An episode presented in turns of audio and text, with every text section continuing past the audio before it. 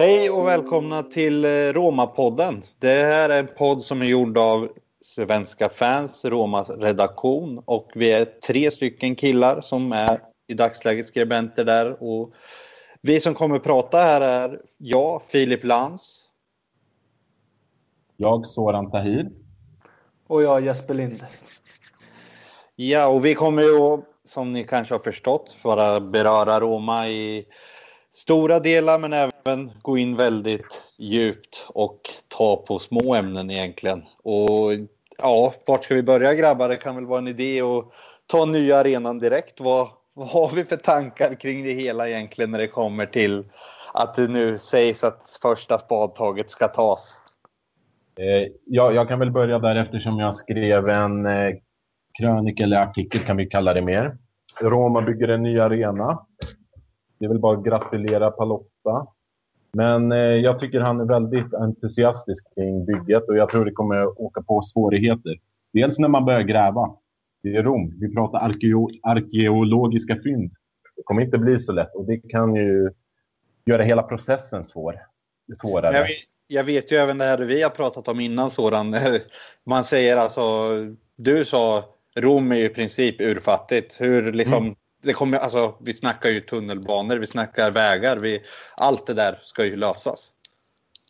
Det är ju något problem som jag inte är speciellt insatt i, men du verkar ju ha betydligt mycket mer info om den. Mm, alltså utan att tala om siffror och så, så har jag ju märkt när jag varit i Rom och talat med folk och så att det, det, är väldigt fattigt där. Och det var en av de stora anledningarna till att man inte kunde arrangera OS, att statskassan blöder. Nu kommer ju man i ett läge där det ändå behövs göra något åt infrastrukturen. Och samtidigt vill man väl skapa arbeten, tror jag, från eh, Raji och kompani. Så att hade, hon, hade hon inte gått med på arenabygget, då hade det nog blåst ännu hårdare. Ja, jag läste någonstans som att eh, själva stadion sen när den står färdig så skulle det vara cirka 2 500-3 000 jobbtillfällen. Mm. Eh, och, och det är ju själva bara vad ska man säga, stadion. Sen ska det finnas så är det cirka 1000 jobb till nöjesområdet. Mm. Man ska mm. säga, så det är ju väldigt mycket jobb som blir tillgängligt där och eh, mm. så det till så det tillför ju en del på arbetssidan så. Ja, det är, väl, alltså, det är väl en skitbra grej. Alltså, Italien är väl inte känt för sin starka ekonomi sen eh, finanskraschen och någonstans måste man vända på det då. Och det, ja, det får väl kosta lite vad det kostar vill då. Om de lyckas med det här så jag, jag är inte missnöjd precis om vi säger så. Men eh, ja, vi har väl inte sett sista ordet i den vevan än. Skulle jag väl gissa på. Va? Det känns inte som det. Det... Jag bara avsluta tunnel, eller inte tunnelbanelinjen. Jag skulle vilja kalla det någon motsvarighet till Roslagsbanan. Om ni bor i Stockholm så vet ni vad det handlar om. Annars får ni ta reda på det helt enkelt. Den, den går ju från Pyramide, där vi har Ranieri. Ranieri från Testaccio till Ostia. Vem är från Ostia? Daniele De Rossi. Bara en sån, sån sak. Den linjen, alltså den är extremt Roma skulle jag vilja säga. Av det jag vet om eh, Roms stadskärna, eller Roms stad, så är det ju Roma. Ja, alltså det är väl en... Eh, det blir ju en bit att bygga dem med andra ord. Det, det är klart att, och det ska väl rustas upp delar av den också som jag förstod. Jag, jag är inte helt insatt på den där linjen ja, men det... heller, men det är klart det skapar som vi säger jobbtillfällen, men det ska ju också gå igenom med ekonomi och mm. säkert några vändningar till i politiker, eller politikernas hörna så att säga. Exakt. Ja, jag läste ju att eh, de skulle väl bygga en väg från eh, flygplatsen som skulle ta cirka 20 minuter bara direkt till arenan. Okay. Eh, du menar att man kan bara flyga in över dagen då och sen se matchen och sen åka hem igen? Så som jag läste i alla fall, ja en restid på cirka 20 minuter från ena ja, närmsta flygplatsen så. Men eh, jag själv, jag tror, jag tror på bygget när jag väl säger att de börjar gräva och så.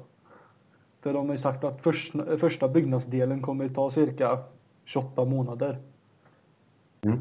Eh, då, då ska det vara ungefär tre fjärdedelar ska de verkligen eh, ösa på dem. Men sen skulle ju andra byggnadsserien skulle ta cirka 36 månader för att det ska stå helt klart sen. Men eh, det kommer ju självklart komma, eh, bli komplikationer där. En eh, planering liksom. Ja, alltså då snackar vi ju fem år liksom, direkt.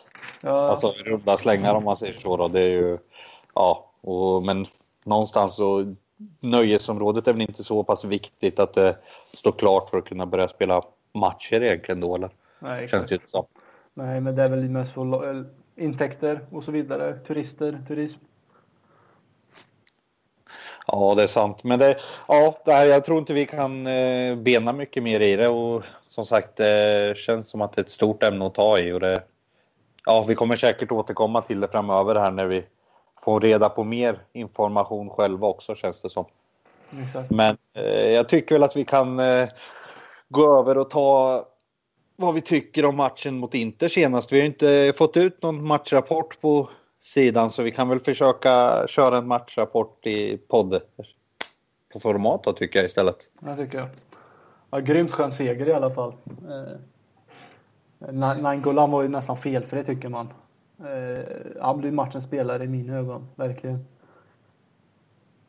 Ja, jag tycker väl inte att det finns någon viktigare spelare i, under den, alltså knappt överlag i hela truppen än vad Nangolan är. Och det, det har jag sagt flera gånger. Jag tycker att det vore ett tjänstefel om vi säljer honom då han börjar utgöra stommen för det här laget. Man ser att han tar både jobbet hem och, och även framåt. Han gör viktiga mål. Det är ju inte miss sist, alltså inte senast då mot eh, inte om man kollar två mål som avgör hela matchen egentligen.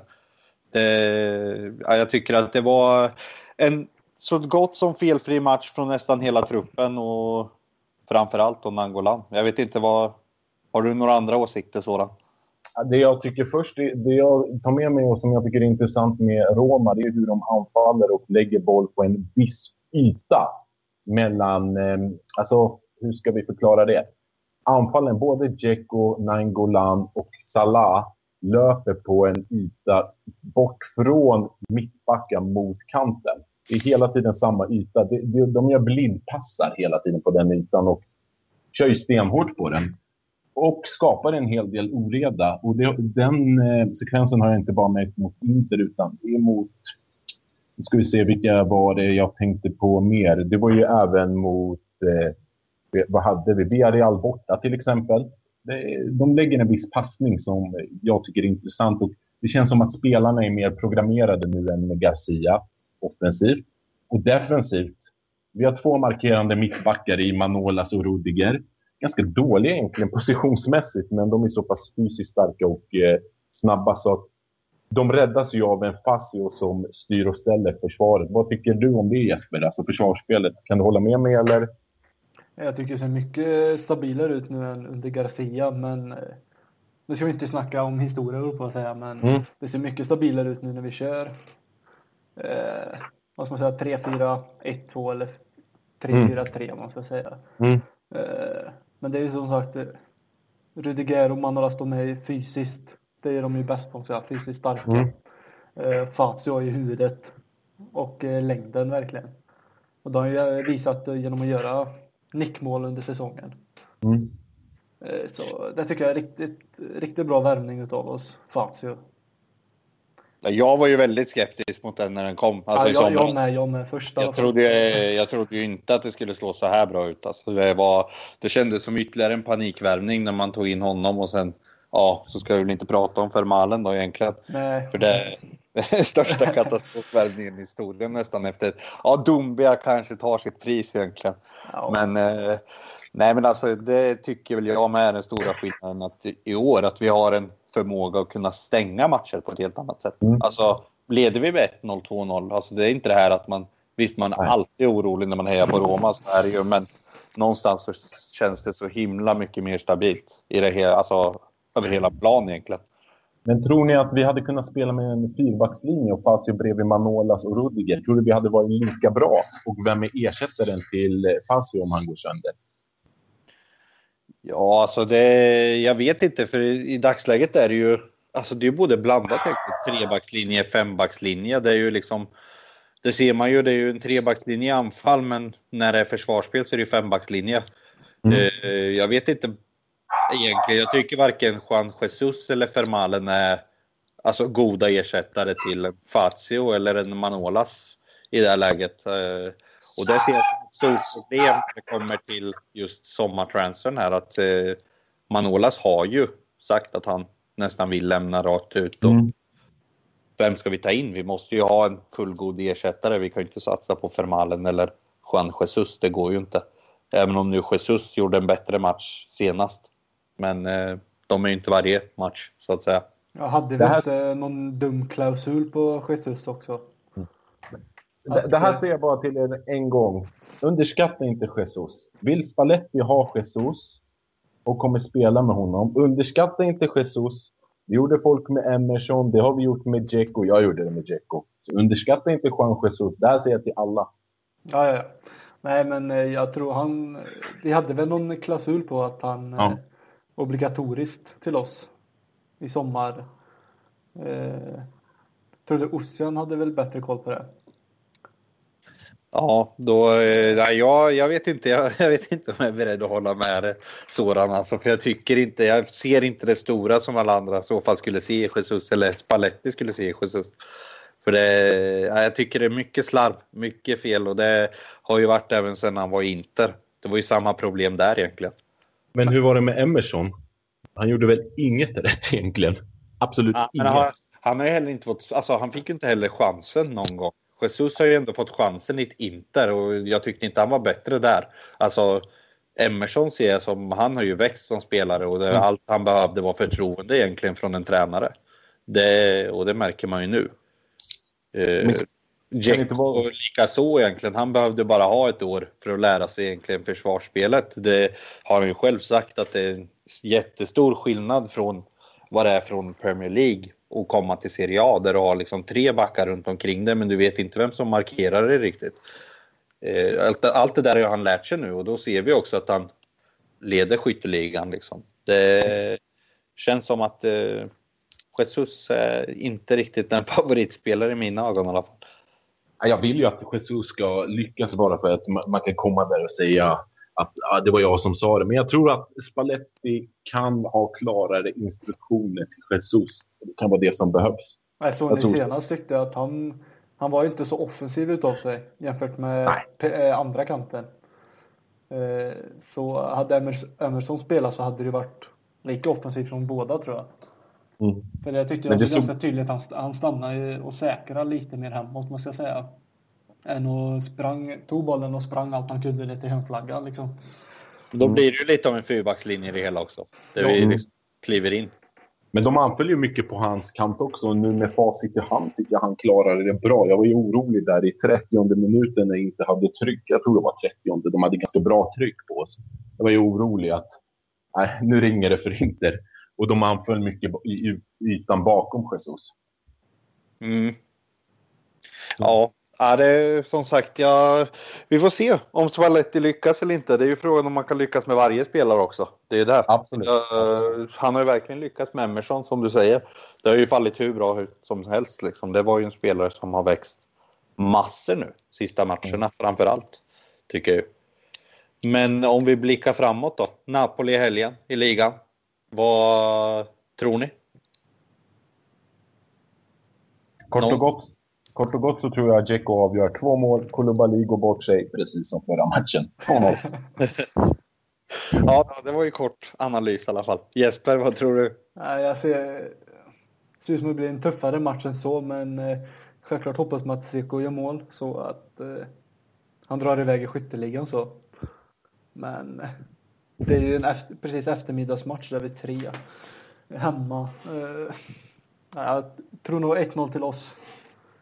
Ja, alltså vi, nu tänkte jag väl att vi inte skulle beröra just cupmatchen då med Lazio, men eh, just det här att det kan ju faktiskt ha en, alltså en eh, inverkan att vi spelar redan på onsdag och sen ska det spelas så pass nära på igen då. Yes. Och sen, det... I, förlåt att jag avbröt, men i, i, just nu spelar vi in det och eh, Nu har väl eh, ändå Juve och Napoli börjat också, så det kan ju bli en tuff match där också kan jag tänka mig för Napoli. Napoli-Juve, förlåt mig. Napoli-Juve. Ja, men alltså de har ju ändå, alltså då får ju de ytterligare en dags vila. Det är mer så mm. jag tycker liksom att de, de får ytterligare en dag här, de får vila upp sig och det, men det är klart att det, är, det blir en holmgång för mm. Kolla på chansen att komma ifatt Juventus är det ju att vinna de här stormatcherna samtidigt mm. som, eh, som vi diskuterade innan. Juventus har egentligen tre rikt, alltså svårare matcher kvar om man kollar på Napoli i ligan, vi har oss i ligan och sen har de även Milan då kvar.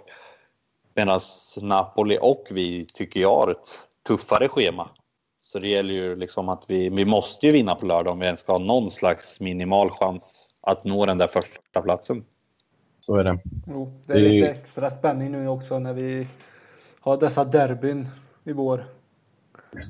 Ja, tre derbyn liksom på, inom loppet av två månader eller vad det blev här. Liksom. Jag skulle älska att vinna alla tre. Oj, oj, oj. Jo, visst, men eh, frågan är ju hur mycket hjärtat klarar. Det är ju det. Ja. Alltså, det är fan det är också... som en hjärtinfarkt aldrig legat så nära in på som ni gör just nu faktiskt.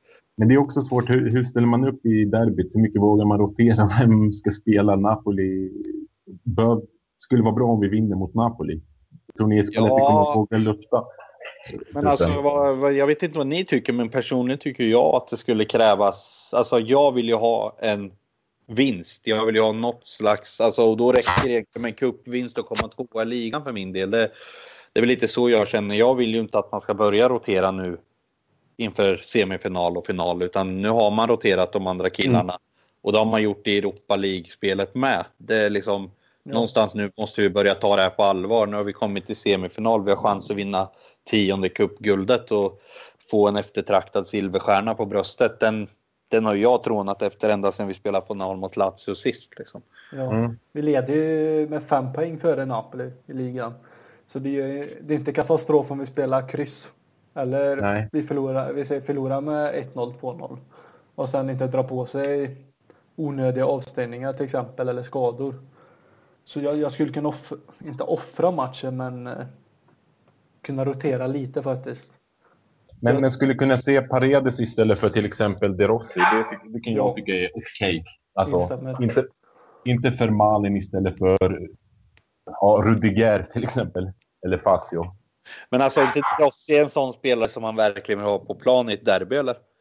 Känner jag, rent spontant. Paredes? nej, De Rossi. Det är ju en sån spelare man verkligen vill ha inne på ett derby. Ja, ja. Det är liksom, det, hellre skulle jag sätta Paredes i matchen mot Napoli då, men det kanske var så din tanke var.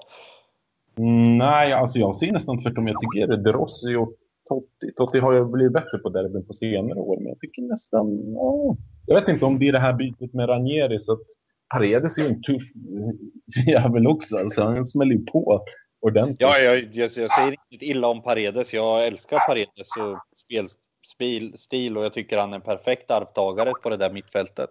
Men jag menar just den här grintan, den här eh, derbyerfarenheten.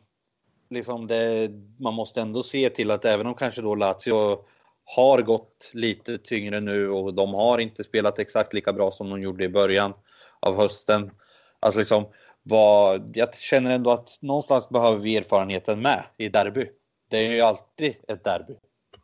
Jag ser, då ser jag in med Perotti. Han har ju erfarenhet att göra mål mot dem, men eh, sen De Rossi, ah, Nej, kanske... Nej, jag vet inte. Jag är tveksam om... Jag ser nästan hellre Paredes där bara för att det är derby. Så får De Rossi komma in i andra om det behövs. Det är klart, De, De Rossi har ju en förmåga att bli övertaggad. Så är det ju. Exakt, och dra på sig röda kort kan ju komma när som helst från honom fortfarande. Det är ju bara så. Är något att spela på kanske om man startar. Gult kort. Med De Rossi? Ja, det är dagens speltips. De Rossi, rött kort. Starta. Ja, ja, ja det är alltså det är som sagt man. Eh, det är ju svårt. Alltså det blir svårt för Spalletti att ta en ställning här om man verkligen ska gå för. Alltså kuppen eller om vi ska liksom försöka slåss på tre fronter med det spelarmaterial vi har och sen försöka rotera så lite som möjligt nu då. Ja. Men man får ändå tänka på att nästa vecka är det väl eh, dags att spela mot Lyon igen. Jajamän. Alltså, just i, mitt, alltså då är det ju en torsdagsmatch igen liksom. Och det där tär ju när man spelar två matcher per vecka. Det ska ju inte, det ska vi inte sticka under stolen med. Så är det ju. Men eh, så att, eh, hur, hur ser du på matchen mot Napoli då, Filip? Tror du på en seger?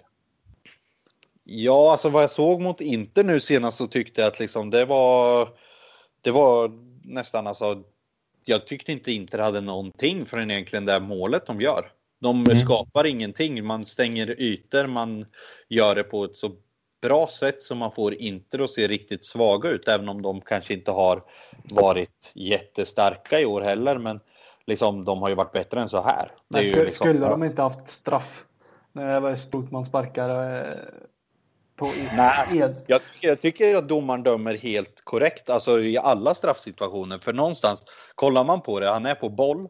Jag tycker, mm. att, jag tycker även att kollar jag vet inte om det är den situationen som jag tänker på nu, men jag tycker ju att det är Interspelaren som sparkar Roma-spelaren i bakaserna och ramlar själv och skriker. Alltså någonstans så tycker jag att domaren gör en perfekt match. Mm. Ja, eh, sen kan det visst, det kan vara lite subjektivt i det hela med då, men jag tycker att man tar för stora växlar i och säger att ja, men det där var en solklar straff, för det var ingen solklar straff. Nej, nej, nej. Alltså, det, vi kanske snackar om att det var en 20-procentig straff egentligen. Visst, det finns säkert domare som hade blåst för det, men jag tyckte inte det var det när man såg repriserna sen. Nej, men jag tyckte liksom, hade, hade vi inte vi fått på straff i slutet, då hade det kvittat egentligen, tyck, enligt mig alltså. Eh, alltså hade han inte blåst straff på Medell där i slutet, jag hade ju inte liksom grinat och klagat en vecka för det liksom.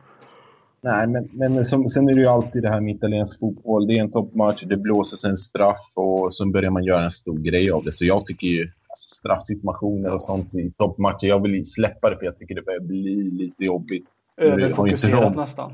Ja, precis, där har du det. Men eh, vad, vad eh, tror vi, har vi någon chans att gå ifatt Juventus? Vad tror ni? Alltså med rätt resultat från eh, de här matcherna. Först och främst så måste ju Juventus tappa poäng mot antingen Milan eller Napoli då. Eh, sen måste vi vinna matchen hemma när det är tre omgångar kvar. Det är ju liksom då finns det en liten, liten chans. Men jag. Eh, hjärtat säger ja, men hjärnan säger nej. Kan väl jag säga. Ändå stort sett samma här liksom. Eh, Juventus har ju Champions League som de kan mm. säkert gå långt på, men eh, det känns som att de har trampat iväg lite för långt med poängen och kunna mm. ja, fortsätta formen som de gör nu så ser jag dem ja, säger jag inte att vi går om dem tyvärr, men uh, önskar går ju att göra. Ja, jag vet inte. Har du några andra tankar där Soran eller? Nej, jag tror ju som ni och då är ju min nästa fråga. Vad händer med Spalletti nästa år? Vad tror ni? Stannar han eller inte? Ja, alltså. Jag tror han. Det beror lite på hur det går i år. Så Vill vi att han ska stanna? Jag vet inte. Jag alltså, säger ja. Okej, okay, du säger ja. Alltså, resultaten talar ju för att han bör stanna. Eh, sen har ju, alltså kärleken ju ändå nästan lika stor för Totti som den är för Roma. Så jag vet inte, jag har svårt med just hur man behandlar Totti om han nu har bestämt sig för att det är hans sista år. Bör han inte få spela mer då? Alltså han är ändå en en spelare som kommer in och gör skillnad. Det är inte så att han bara är en profil. Han, hans fot, han levererar passningar. Han, visst, han är inte så snabb, men han har ju spelförståelse som jag knappt kan se från någon annan i världen egentligen. Så det är fortfarande en spelare i världsklass nästan, om, alltså om man bortser från rappheten i steget. Så jag vet inte, alltså. Tro, om vi vinner någonting så tror jag han kan stanna. Han jag tror han kanske... Ja, han har gått ut och sagt det, att han, kom, han vill vinna med Roma. Alltså, då menar jag inte att alla vill ju självklart vinna. Men... Eh, ja, vart var det? Jo, men han har gått ut och sagt att han ska vinna med Roma, för annars kan han lämna. Mm. Ja, men sen har vi även nästa fråga då, man får ställa sig. Vad händer med Allegri? Lämnar han Juventus? Mm. Vill Juventus ha Spalletti? För han har ju uppenbarligen sagt att han skulle lika gärna kunna tänka sig att träna Juventus som Roma. Men det de säger i Italien kan man ju aldrig lita på. Jag tror, jag tror faktiskt helt ärligt, det här är min magkänsla, jag kan ha lika fel som jag har rätt. Men jag tror faktiskt Spalletti kan vänta ut Juventus och kolla vad som händer. Jag tror inte han är deras första val, Juventus, om vi går in på dem. Och jag tror att det är... Ja, men vilken annan tränare finns det i världen som du tycker skulle, alltså som du tror Juventus i så fall skulle vilja ha? Mancini. Det... Mancini. jag, har ju, jag har ju en skön grej på Mancini och eh, vår målvakt Szczęsny. Där har ni det rätta uttalet. Eh, som jag tar upp sen, men det sparar vi. Men det jag tänkte på Juventus, jag tror Sarri, Spalletti. Men det är Sarri rätt, alltså rätt, rätt man för jobbet då? För det, alltså, kolla nu har han liksom eh, Napoli. Alltså du har sett att eh, det, mm. går, alltså, det går inte så riktigt som de har tänkt sig i Neapel. Det går okej, okay. eller ungefär. Alltså ja, det går okej, okay, men liksom Alltså de håller på att bli utslagna i Champions League. De ligger trea i ligan. Det, ja, nu får Real vi Madrid. Mot Real Madrid. De har ju aldrig varit så nära att vinna ligan som förra året. Sen Maradonas tid. Så att, nej, han har gjort det bra tycker jag. Det håller jag tyvärr Ja, men alltså förra, förra året var ju också stor del eh, Higuains. Alltså, mm. alltså det var ju, han var ju liksom den stora stöttespelaren i det här laget. Det ser vi ju i år. Alltså de är ju inte ens i närheten av att alltså vara så pass nära i år. Alltså, jag tror, jag, nu har jag inte riktigt koll på poängen och så, men det skulle inte förvåna mig om man inte har tagit, alltså att poängskörden nu kontra förra året inte skiljer sig så pass mycket, för det var, var inte mycket på, alltså det var ju jämnare i toppen förra året. Och ja, sen tycker jag... har gjort 60 mål har de gjort och släppt in 29. Mm. På 26 jag tycker Sarri gör det bra. Där är vi oense. Jag tycker han gör det riktigt bra. Och tar man historia så har Lippi gått från Napoli till Juventus. Det känns som att Juventus gillar att hitta en tränare, scouta och det är en bra organisation Juventus. Det kan man inte säga något annat. Nej, men det är just det där jag också funderar på. Du, alltså, vi pratar om att, eh, att Juventus då skulle vilja ha Sarri, men varför? Alltså, det är en klubb som har uttalat sig gång på gång att man, man ska bli bäst i världen. Man ska liksom, mm. man ska i fatt, man ska gå om. Då mm. tror inte jag Sarri är rätt man för det jobbet. Alltså, då pratar ju jag istället ja, någon eh, Carlo Ancelotti eller något liknande, något riktigt världsnamn. Där tror jag det ligger närmare i så fall. Du tror att han kan komma tillbaka och vända? Jag tror mer att man tar det från inhemsk håll. Eller att man försöker stenhårt på en sån som Simeone. Vem mer kan de vilja ha? Nej, det är väl Simeone som har ryktats. Som jag kan komma Pep, Pep Guardiola. Nej, det kommer aldrig ske. Han kommer aldrig funka där. Det tror jag inte. Nedved och han kommer haka ihop tredje träningen. Och så. Nej, det tror jag inte. men eh, men vad, vad säger ni? Alltså, jag personligen, jag var emot Spalletti kan jag ju ta. Alltså när han kom till Roma så tänkte jag det här känns inte bra. Han kommer tillbaka till ett förhållande som har spruckit. Nej, det kändes inte bra. Men jag är faktiskt mycket, jag är positivt överraskad av Spalletto. och det känns som att han inte är lika mycket vän med truppen som han var tidigare. Tidigare var han ju nere och firade med truppen när man vann rekordderbyt och han var liksom en av spelarna kändes det som. Nu känns, han, känns det som att han har lite mer distans och lite hårdare efter tiden i Ryssland. Är det bara jag som har någon sån uppfattning eller vad känner ni med Spalletti 1.0 kontra 2.0? Ja, du kan väl börja där Jesper. Det som jag var mest nervös när han kom tillbaka till oss, det var väl... Eh, eller om det bara var tidningar. De drog upp direkt att han och Totti började tjafsa. Mm. Eh, så det blir man mest orolig. Man bara kommer in direkt i hetluften och sen eh, börjar bråka med vår käraste spelare, om man ska säga så. Men, eh, alltså, Jag tycker han, han utvecklats ledarskapsmässigt sen innan. Mm. Känns att han är lite lugnare på något sätt. Tycker jag. Det kan ju andra tycka så, men han är inte viftat precis heller. Man är, var väl egentligen det mesta med Totti-tjafset in i våren och sen eh, nästan över sommaren höll jag på att säga. Han bråkade inte han också med Tottis fru ett tag? Eller vad snackades om? Jo, de hade väl en beef tror jag. Ja, det var mer Ilir Blasi som eh, gick åt honom snarare, men ja. Jo, någon... men det är ju någonstans, är ju inte, vad är det man brukar säga, det är inte ens fel att två bråkar eller? Nej, det, precis, det krävs två för att dansa tango, jajamän. Ja, nej men så, Nej, men alltså det jag, det jag känner mig mest orolig över är ju att eh, kollar man på Spalletti genom tiderna så har det ju gått bra när han tar över en klubb. Och det går bra i ett och ett halvt, två år och sen så liksom går det sakta utför och sen blir det mm. dåligt igen. För det, är ju liksom, det blev ju det som hände förra gången. Och även det som hände i Ryssland nu senast egentligen. Mm. Sen är väl Ryssland speciellt. Alltså det går Napoli inte gå. Napoli 1-0, okej. Okay. Men eh, vem skulle ni vilja se om Spalletti försvinner? Jag har, min, jag har ju min dröm. Jag har ju målat upp ett scenario. Som ja, du, skulle... du, du vill ha tillbaka Seman? Se aldrig fel med Seman. Ett år Seman och sen tar vi en riktig tränare. Seman är den bästa övergångstränaren. Alltså, du, du får ett år, jag lovar, ett år med Seman. Totti springer upp för de här trapporna som Seman alltid kör. Då är han i toppform. Folk glömmer bort att Totti spelar alltid bra när Seman är där borde gjort med amerikanerna, ta in Seman. Så får han göra, eh, skapa tre, fyra bra spelare och sen kör vi på därifrån. Ja, jag är inte lika... Nej, men alltså om vi ska kolla, jag... I dagsläget vet jag inte ens vem jag skulle vilja ha in. Alltså, får man drömma så är ju Simeone självklart en stor... Alltså, kommer aldrig komma. Nej, precis. Det är ju det jag menar. Alltså, jag vet inte då, det, det är svårt. Jag tror man ska satsa på alltså Montella en vända till så fall. Nej. Nu när han utvecklats. Det nej, nej, nej. nej, nej, nej. nej, nej, nej. Han är bra i två år. Sen nu. Ni är väldigt, väldigt negativa har jag. Men, vad, men vad tror, alltså jag, jo, men det är ett namn som kommer till mig faktiskt. Men då krävs det att den dagen så gäller det att Daniela har lagt av också. För det är hans pappa som idag tränar Primavera-laget. Det har varit roligt. Där har jag en uh, tränare som ja. faktiskt skulle tänka mig att få in. Men det går ju heller inte att ha sin son i en trupp då. Det är ju omöjligt liksom.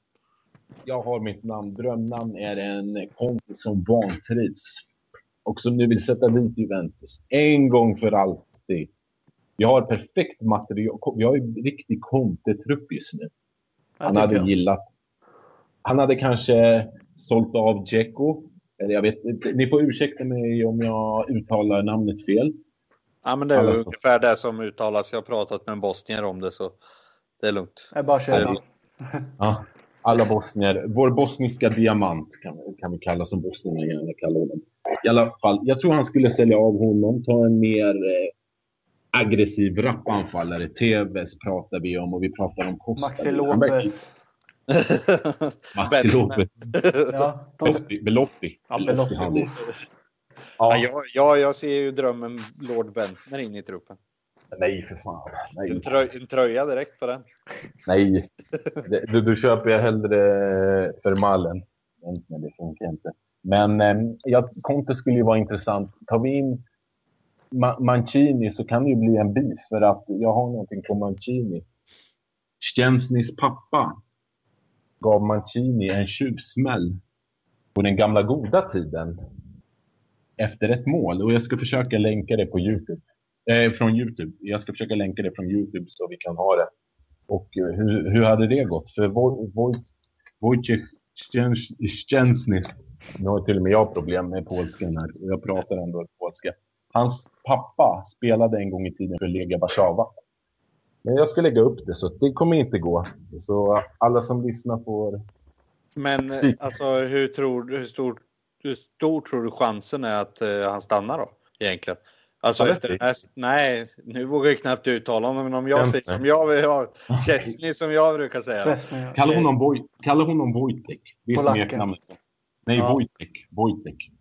Wojtek. Eller, ja. Ja, ja men eh, polsken i mål så kan vi säga annars. Det brukar alltid gå med. Då vet alla vem man vill. Våra målvakt. Ja. ja.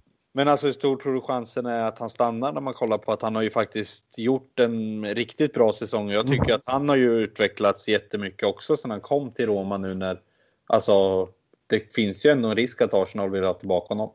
Då är det ju större risk att Juve tar han. De börjar se över Buffon och hur ser det ut där och ska vi få en ny målvakt? Donnarumma i första val. Känns det tror jag är tredje, fjärde val där. De har säkert någon annan också. Tidigast, alltså, jag tror ju, det känns som att de är ju, alltså de är ju riktigt, jag tror ju de vill ha en italiensk målvakt någonstans. Ja. Jag tror Mattia Perin ligger högre upp än vad... Nej, det tror jag inte. Jag läste att han var ute efter Udineses, Udines målvakt. Jag tror att Skufette bör ha varit. Va? Att, han är ju inte bra. Fast ersätter vet jag inte, men i alla fall. Mm. I alla fall till truppen. Ja, men jag tror de kan lura Dennis Chesney och vill sätta dit Rom och visa vilket som är här på täppan. Det tror jag. Och Spalletti. Spalletti, ja vi ska nog vara lite rädda om honom för det. Tiden tickar ju. Nej, de, de drar och värvar in eh, Lobont. Lobont är bra målvakt, inget snack. Alltså. Nej, det menar, de värvar in honom nu. Det, är en riktig Seman målvakt. Ja. Står, gör bra räddningar. Står som en libero. Det gillar jag. Ja, nej, men som sagt. Eh, nej, det blir ju intressant att se. Det blir mycket besvaras det här transferfönstret som kommer i sommar känns det som. Hur ser ni på transferfönstret? Är det någon spelare ni skulle vilja sälja så här rakt av och kanske casha ja. in? Manolas, säger jag direkt. Vill man inte stanna så ska man inte stanna. Det har man sett så många gånger förut. Alltså, du tappar, eh, du tappar spelglädjen. Du liksom, han har, alltså, när det var som mest stökigt nu för någon månad sedan så tyckte jag att han gick bort sig flera gånger på en match och det har jag aldrig sett innan. Eh, ja, men Manolas tycker jag är en bra, bra spelare att sälja i det här läget i så fall. Sen måste man ju hitta någon fullgod ersättare till honom. Eh, sen så skulle ju ändå en dröm vara 800 miljoner från Kina för Dzeko mm. casha in liksom. Det, hur, jag vet inte, det är som den spelare som är svår att ersätta egentligen om vi får de summorna pengar. Nej. Det är väl typ de jag kan komma på. För Nangolan vill jag ju hålla kvar till varje pris tänkte jag säga. Oh ja. Paredes? Ja, han vill ju också hålla kvar. Det är ju ändå någon slags spelare som jag känner som går att bygga vidare på. Det är ju liksom De Rossi börjar ju komma upp till åren, så är det ju. Det, är ju, det ser man ju. Han klarar ju inte varenda match längre. Men är han, är han verkligen ersättare till De Rossi? Efterträdare? Ja. Alltså, ja, om du, tittar på, ja, om du tittar på hur de spelade med i Empoli så hade de Jelinski, eh, Saponara framför. Jelinski var väl mer fördelare. Paredes gjorde ju mycket av det här äh, sittande mittfältsjobbet där, uh, grovjobbarjobbet. Ja, ja, alltså täckte ytor defensivt och så. Så han, jag tyckte nästan han var mer defensiv än offensiv, även om hans uppspel och mycket... Han hjälpte ju Jelinski jävligt bra och de var ju riktigt duktiga tillsammans. Så där, Jelinski skulle jag aldrig säga nej till, till Roma. Så finns det någon chans är det bara att köra på honom. Ta Sarri och Jelinski så då är jag nöjd. Jag säga. ja, nej, men som sagt, Paredes vill jag nog hålla kvar då. Det är liksom, eh, för jag, ja, varför inte göra så att man sätter ner De Rossi som mittback sista mm. året? Det känns som att han skulle hålla längre där än vad han gör i sin nuvarande position egentligen. Det... De Rossi istället för eh, Fassio då tänker du på kanske som eh, den här mittbacken som inte markerar eller alltså, ja du förstår vad jag menar. Ja, något sånt alltså som eller eh, ha med, man bygger grunden i backlinjen på honom och sen så värvar man in efter det. Alltså det, det, nej men det känns som att mittfältare är svårare att få tag på än mittbackar som faktiskt kan rensa undan egentligen. Det är min spontana känsla. Visst, sen finns det, kostar ju en världsmittback då hiskligt mycket pengar. Men eh, inte mer än vad en riktigt bra mittfältare gör. För går Radja så tror inte jag han går under 60 miljoner i sommar. Det ska han inte 90. gå för. 90 ligger det på. 75. ja. Okej. Nej, men alltså, ja, men du, nej, men ni förstår vad jag menar. Det, liksom, det, vi får ju inte ens en halvgod ersättare för halva pengen egentligen till Nangolan. Men, men vad tycker du Jesper om eh, Dzeko? Kan, kan du tänka dig att sälja honom och ta in, eh, ja, vi tar exempelvis Belotti som är det som vi kan få in och som kan vara lockad av att ta, ta nästa steg. Jag kan tänka mig att Belotti kan. Vad, vad tycker du om det? Alltså... Eh, jag säljer Dzeko om man får, alltså om vi får tillräckligt bra summa för honom om vi säger så. Men säger vi om vi får 50 eller 60 miljoner euro alltså Mm. Men jag vet inte hur mycket Belotti kommer gå ut för. För jag skulle nog inte byta, byta ut Seko direkt för Belotti utan att det går möjligtvis lite plus. Mm. Eh, just för att har inte han förresten Belotti typ någon miljardklausul eller vad det är nu? Men det, men det fattar de ju själva att de inte kommer få. Fan, Nej, om men inte... eh, de, om vi säljer Seko för 50 Mm. och köper in Belotti för 50 så vet jag inte om det är värt det så eftersom eftersom det gått så bra som det har gjort just nu. Eh, andra, Mm. ja, hans andra säsong och jag ser varför inte ska fortsätta den tredje nu. Ja. Ja, jag satt och kollade på matchen igår. Fiorentina... Nej, Torino. Jo, Fiorentina, Torino. Yes. Mm. Och alltså, visst, han bränner en straff, men det är också han som gör så att de får med sig en poäng hem till Turin igen. Det är starkt gjort. Så Ja.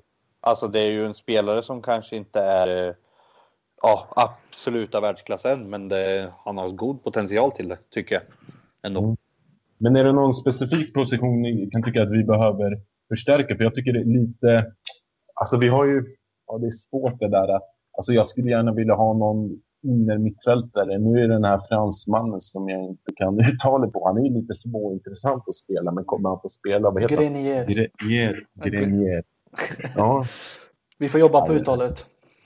Ja, Han har inte Grenier. han, vad fick han spela? Fem minuter va? Ja. Är det något att hålla i granen? Ta in Pellegrini, riktig spelare. Mer, mer italienskt alltså. Ja, om det är klass på det. Ja. Nej, men Ja. alltså, så byter du, min fråga till dig Filip är Paredes eller Lorenzo Pellegrini? Jag säger Paredes. Vi vet Ja. vad vi får. Han kan Jesper. klubben. Jesper? Eh, Paredes. Då säger jag Pellegrini bara för att vara emot det. Är bra. Det, vi ska aldrig tycka lika. Nej, det är nästan lag, lag på det. Och eh, vad, men vad har vi till exempel, vilken position kan det behövas att förstärkas? Högerbacksplatsen med Peres? Ja, fast vi har ju Florenzi som kommer komma tillbaka från skadan. Visst, nu är det länge kvar, men han bör ju kunna spela till nästa säsong. igen. Ja, men, men tänk er Florenzi med Conte. Så jag vet inte. Det, han blir så mycket bättre med Conte i landslaget tycker jag. Florenzi. Oh, ja. Ja, alltså han var ju grym där nu sist. Alltså- Där. Alltså, det kan jag tycka att Conte står inför ett val nu. Ska han värva tre, fyra spelare? Jag tror, jag tror han gillar Romas spelare. Raja, det, det vet ju alla att det gillar han. Han gillar.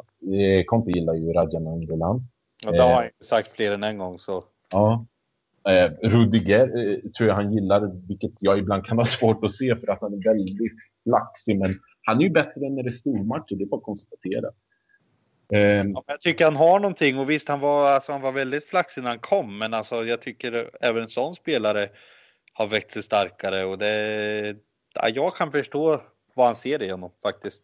Ja, jag vet inte. Han ger ju vissa sådana konstiga fysiska spelare. Och sen, nu är vi inne på eh, de två. Florenzi tror jag han gillar också, för han har ju en viss spetskvalitet. Så han har ju tre spelare jag tror han Jo, gillar. Sen, Flore- Florenzi skulle ju aldrig gå. Det kan jag inte tänka mig han är från Roma ändå så, nej. så där kan vi nog vara lugna men det är ju värre med vad säger Nangolan när budet kommer liksom. Ja. Men, men, och, och London också. Han är ju lite... han är ju Han- speciell. Han är partyprins, det kan vi ju säga Ja. direkt. Det, det Han, han röker väl cigaretter fortfarande, men det är kanske...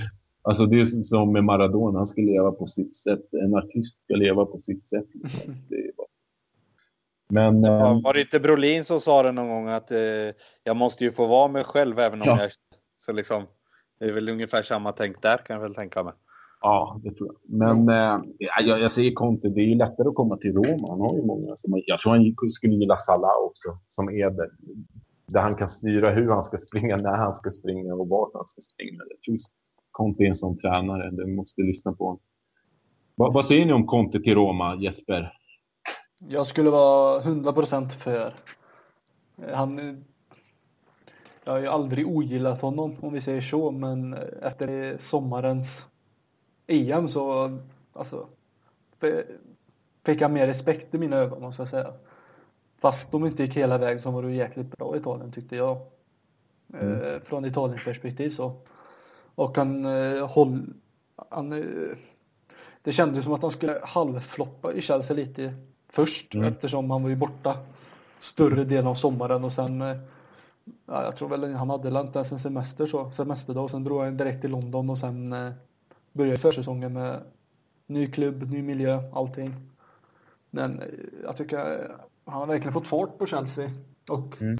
på nytt födde Victor Moses på högerkanten och sen Gamla... Han, han, han har ju väl blivit bra. Han har väl alltid varit så här bra. Ja, Eller? han har ju varit, Moses har varit en liten favorit i mina ögon så, men Aha. han har ju varit utlånad. Ja, intressant. Tre säsonger i rad ja. tror jag. Förutom den här, men eh, Conte har hittat verkligen en plats för honom. Mm. Du, om man ska säga springa, springa slut på sig på högerkanten. Och mm. eh, tar vi till exempel vår högerkant så skulle nog Florence eller Perez göra ett bra jobb. Med Conte som fick stå vid sidan och mm. skrika och styra. Och, ja men faktiskt, eh, känns som att eh, han, eh, ja, de har ju hört också att han är betydligt hård i sin, mm. sitt träningssätt och på träningar, på match hela tiden. Så fort det, mm. vad ska man säga? Jag kan ta ett exempel när, jag tror det var Derosso som gick ut och sa att sån här hård, hård träning har de aldrig haft inför ett EM då de fick springa i stort sett. Det var tre veckor nästan. Mm. Mycket, mycket löpträning bara för att komma i sin, så bra form som möjligt inför EM då. För det var de skulle göra, de skulle, få, de skulle springa. Var det en fråga tänkte jag säga. Ja, men det, det måste jag också. Jag, jag, kan inte vara motpol här tyvärr. Alltså, det... ja, men alltså, han har lyckats med Juventus. Han lyckades med italienska landslaget som vi var inne på. Det var ju bara en slump att de åkte ut mot Tyskland på straffar. Mm. Han har lyckats i Chelsea. Han leder ligan med 10 poäng för tillfället. Mm. Alltså, det är klart, det är en tränare i världsklass. Det är klart att... Eh, men sen är ju bara frågan, vill han komma till oss? Och den är svårare att se än att vi vill att han kommer till oss. Ja, men eh, det skulle vara om han vantrivs där. Men eh, hur ser det ut med vår nya sportchef? Har vi någon sportchef eller är det Masara? Vet någon någonting mer om det? Vi... Det, finns väl ingen, det finns väl ingen i dagsläget vad jag har hört, va? utan det pratades ju om... Eh, ja, ja, precis. Men... Eh, ja, Monchi. Men det är ju liksom... Ja, mer än så har inte jag hört. Det, är liksom... det var ganska tyst nu på sista månaden tycker jag ändå. Det var väl i januari tyckte jag det ryktades väldigt att han var klar för oss och dittan och dattan. Men eh, nej, vi får se. Vad har vi för sportchefer man skulle kunna plocka i Italien? Jag tänker ju, jag vet inte hur mycket ni gillar. Jag gillar ju Petracchi i Torino, gillar jag personligen. Men det är svårt med sportchefer för att du kan inte komma... Alltså, du har en, alla länder har ju först och främst inte sportchefer. Och sen kommer de alltid från en sämre klubb så, så är det ju. Alltså, det är bara att kolla på Juventus. Vad heter den där mannen nu igen? Eh, nu tappar jag namnet på honom. Han kommer ju från Sampdoria till exempel. Ja, Moggi. Nej, inte Moggi. Eh, den de har nu eh, måste jag tänka till. Ge mig några sekunder så kommer jag komma på det. Para, vi... Paracci, jag vet inte. Nej, Petracchi, det är i, det är i Torino. En gammal spelare för övrigt. Eh, mm, mm, Ah, ja, vi, vi skippar det. Men de kommer ju alltid från en sämre klubb alltså till en bättre. De är inte vana att byta jobb lika ofta som en eh, tränare. Men ta Konta, han har ju varit slängt runt i flera klubbar. Det har ju inte en sportchef om man har gjort sitt jobb rätt. Utan han stannar ungefär på samma klubb. Han har, känns det som. Eller vad tycker ni? Kolla Moji. kolla Giuliani. De stannar ju där. Ja, men det är ju svårt också i sportklubbar, alltså hur man, eller sportchefer om man eh, ska kolla på vad ska man ta in för någon. Det är liksom, det är nu inte jag tillräckligt bra insatt egentligen för att svara fullt ut på den frågan, men alltså det egentligen ska man väl gå och kolla på de lagen som går bra. Alltså vad har vi för lag? Vi har Atalanta som har gjort ett fantastiskt jobb i år och verkligen hittar talanger. Är det en sån sportchef man ska gå på? Någon som ska förädla talanger eller ska, alltså liksom, vad ska vi ha för någonting? Först måste man ju bestämma någon slags inriktning på det hela känns det som. Men är inte alla sportchefer lite så att de eh, alltså, plockar talanger? Jag kan inte komma på någon som bygger ett storlag och bygger han ett storlag då kommer vi inte få honom. Alltså så känns det lite. Att vi har inte chansen utan man får ta en halvchansning. Alltså Petracchi får ju han från Torino, det ska vi vara nöjda. Får vi Kalli från Empoli, ja det är ingen dålig sportchef så men ja, det finns ju sen.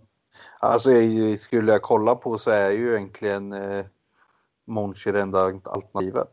Ja, tycker jag. Det tycker jag med. Håller med fullständigt där. Ja, men eh, har vi någon chans att ta en bild han komma? Det är väldigt mycket spekulationer, men det, det är väl nästan viktigare se att vi har en Spalletti som bestämmer sig för att dra. Och det kan jag förstå om Spalletti gör nu, för nästa år kommer det bli mycket svårare för honom i Roma. Så, så, är det, så funkar det i Roma. Så det spelar ingen roll om det är samma spelartrupp. Det är alltid... Pendeln vänder över efter ett tag och det kanske är så att vi borde en tränare oftare. Jag vet inte.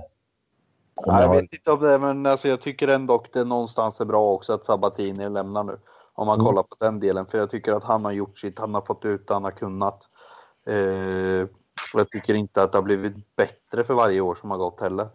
Nej, men, men är det kanske att vi behöver ändra tränare ändå? Alltså, hur många tränare har haft mer än, alltså mer än tre bra år? Jag kommer ihåg när Capello tränade Roma. Han hade många riktigt dåliga säsonger. Det kommer jag ihåg. Alltså, sen gick det bra en säsong, kom två eller tre och sen gick det dåligt. Alltså, det, var, det är svårt alltså. Det är ändå en av tidernas bästa tränare om du frågar mig.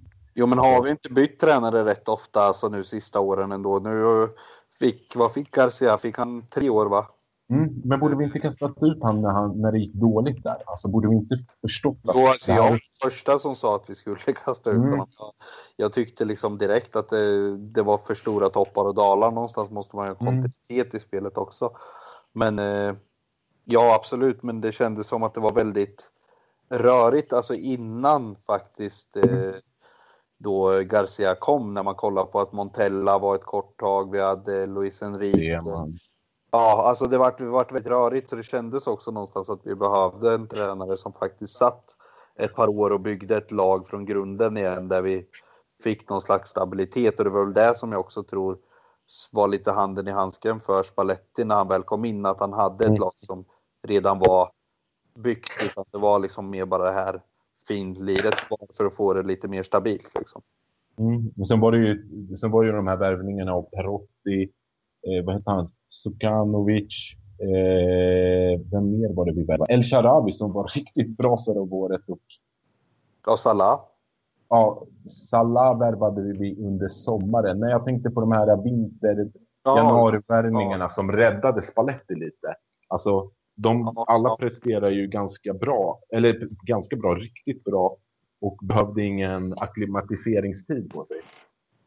Nej, nej precis. Så det som sagt, eh, det var väl en blandning av det hela då. Att man mm. fick spelare som förnyades och sen mm. att han hade lite fördel av att det redan var ihopspelat när han kom.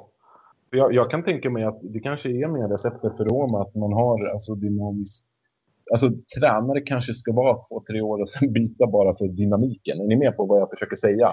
Så ja. att du inte blir bekväm med dem. Vad tror du om det Jesper? Kan det vara, är det kanske så det ska funka i Roma? En gång till.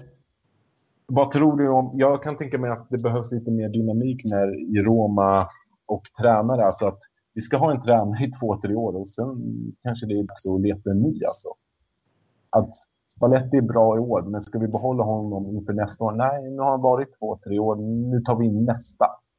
Eh, stanna, vill han stanna kvar, om man säga, väljer han att stanna i Roma. Mm. Alltså in, ja, inför nästa säsong, alltså kör, kör på. Då tycker jag att eh, alltså, då, det är ingen idé att titta efter ny nu när han är fortfarande kvar. Han är fortfarande huvudtränare och allting. Men är det så att han lämnar så är det självklart kan, man kan ju titta kortsiktigt och långsiktigt. Men vill, vill han stanna nästa säsong så tycker jag det. Men går det ut för med resultat eller tjafs med spelartruppen, tappat förtroende. Då vill du gärna se byte ganska snabbt. För det, det jag ogillar mest är om man byter in eller byter ju sin tränare eller ger sparken och sen sätter in en i mitten av säsongen om man ska säga. Mm. Eh, så i sådana fall är det så att det går riktigt dåligt nu så tycker jag man kan byta ut honom i januarifönstret om vi säger så. Så att den nya tränaren hinner, vad ska man säga, kanske fix, få in sina spelare beroende på vem det är. Mm. Samt eh, kanske skicka ut eller låna ut annat. Nej, men, men då, fick... har vi ju en förlorad, då har vi ju en förlorad säsong direkt om vi liksom... Ja, då gäller, då gäller det att gambla i så fall. Alltså det, jag jag tycker man ska börja sondera tränarterrängen ute på marknaden och se vad mm. finns det för tränare tillgängliga, vad kan vi få loss och därefter ta ett beslut för att byta ja. tränare bara för att byta tränare känns jävligt dumt om det inte finns någon bättre på marknaden. Men det är klart, skulle en sån som ja men alltså vi leker med tanken att vi får in någon som är faktiskt bättre lämpad för jobbet och kan ta det ytterligare till en nivå. Det är klart vi inte ska låta Spalletti få köra ett år till bara för att. Så du menar på att vi ska kolla marknaden hela tiden, men det kan jag tycka är ganska sunt, för jag tror som sagt att Roma, förutsatt att det finns bättre tränare eller något som bara känns spännande så, att de kanske behöver byta tränare oftare än Milan när de hade storhetstiden eller ja, vet, Roma kanske, för att det är en sån miljö, alltså väldigt dynamisk miljö. Det kan gå jättebra i två, jo, tre månader. Det är ju svårt, alltså det är ju en svår stad att basa i helt enkelt. Mm. Alltså en svår klubb att vara i. Det är inte, mm. det krävs mycket för att man ska faktiskt klara av att vara tränare i ett Roma till exempel. Då. För det känns som att den eh, piazzan är svårare än många andra i Italien. Jo, men, det, men då, då, är min, då är jag nästan inne på spåret att ja, vi ska... Vi kan tänka, försöka tänka långsiktigt, men eh, det kanske behövs mer tränarförändringar. Att vi inte har den här starka Alex Ferguson. Alltså det jag tycker är viktigast är att få in en tränare som har en vinnarmentalitet. För det är ju liksom, mm, där, ser vi, där förlorar vi ju gång på gång på att vi har Alltså någonstans får vi ju vara ärliga mot varandra som jag också har skrivit någon gång att liksom, vi vet ju att det är ju en klubb som vi har. Alltså vi är inte kända för vinnarmentalitet precis. Det är inte där vi kan stå och stoltsera med utan vi, utan vi måste få in en tränare som präntar in det där om vi ska ha en chans att börja komma ifatt och faktiskt då kunna börja utmana. Ja, det kände jag med, när vi hade Garcia hos, eh, hos oss. Han var ju ingen riktig vinnarskalle tyckte inte jag. Nej. Eh, men det är vad jag tycker som sagt. Men eh, det gick ju bra. Han gjorde ju bra ifrån sig resultaten och sånt. Men sen när det började svacka lite så han verkar inte ha den här riktigt grintan. Men han hade heller inte spelidé. Det var ju det så alltså, han, körde, han körde på sin och sen så liksom började det gå dåligt. Ja, men då fortsatte vi köra på den spelidén. Det var ju liksom... Lite för envis. Ge bollen till Gervinho och så försöka göra, alltså, göra fem gubbar och så gör vi mål. Ja, ja, men det var ju jämt så. Det läste ju spel, alltså lagen sönder till andra mm. säsongen.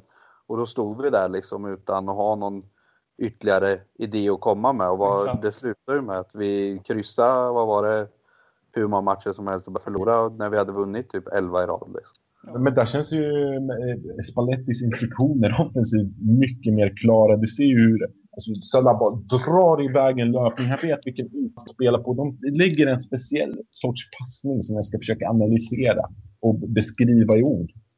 Jag vet inte om ni har märkt den passningen. Det, det är även mot Djecko. Springer på samma yta, känns det som. Det är ingenting jag har sett så här rätt av, men alltså kollar man på det som jag har eh, funderat mest på är ju det här att eh, man ser att det finns en låser det sig i truppen, ja men då spelar vi på ett annat sätt. Då hittar vi en ny väg för att göra mål. Och mm. den skillnaden är enorm gentemot Garcia. Oh, ja. men, sen, men sen när vi pratar om vinnarmentalitet så kom jag på att eh, i Roma stavas det på följande sätt. Radja Nainggolan och Dzeko för en viss del. De har, ju, alltså, de har ju tillsammans vunnit hur många poäng som helst mot storlagen, båda två. Alltså, Ja, det var ju en fördel med att få in Dzeko för han är ju någonstans är han ju ändå en vinnare i det hela. Det är ju ingen ja. spelare som inte har vunnit någonting utan han har ju faktiskt eh, lyckats i de klubbar han varit innan. Mm. Men, men Radja, Radja Nangolan, kolla hur han kliver fram när det är derby, när det är eh, ja, mot Inter nu. Alltså, det kändes som, ah, ja, det är Radja. Man blir inte förvånad längre. Alltså, han, hans utveckling är enorm och han känns ju som, han gillar de här stormatcherna. Ja, ja, absolut. Det är ju... Nej, men han triggas ju igång av det. Det märks och, ju. Och det... Ja, så att är det inte, där, där kanske det är viktigast att vi behåller kvar honom. Sen får vi ta någon vettig tränare liksom. Alltså, om, eh, för, jag, för jag räknar bort eh, Spalletti. Alltså, jag kanske kommer ha jättefel med det, men min magkänsla och här och nu när vi spelar in det så känns det som att Spalletti försvinner. Och jag behöver höra någon bättre, ny, någon annan nyhet för att vi ska kunna, för att jag ska kunna tro att eh, han inte försvinner. Det är väl om Juve, Juve hittar någon, and, någon annan tränare, eller vad säger ni? Tror ni han försvinner? Vad är er magkänsla här och nu? Ja, ja, det beror på. Eh, han har ju själv sagt att han vill ju inte lägga av förrän, alltså om Totti han vill ju inte vara den tränaren som gör att Totti lägger av, eller vad han sagt. Han vill inte vara den tränaren som sitter kvar när Totti lägger av. Och då tror jag att eh, det pratar lite om för att vi, vi diskuterar en förlängning av Tottis kontrakt ett år till. Men jag tror även att då kommer han lämna för att han har redan, alltså det var nog någon slags hint om att det är dags att lämna nu. Mm. Igen. Ja, att, precis. Nu, nu, ja, att han vill markera ställningen i, i Roma. Att, är det på Tottis villkor så är inte jag med. Är det så du tänker? Ja, precis. Han, han sa ju rätt ut att liksom, det, klubben ska självklart förlänga med Totti och jag vill inte vara den mm. tränaren som sitter när Totti lägger av eh, och vara den faktorn som bidrar till det.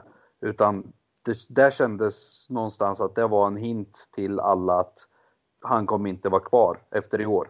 För att han vill inte vara den tränaren som sitter när Totti lägger skorna på hyllan.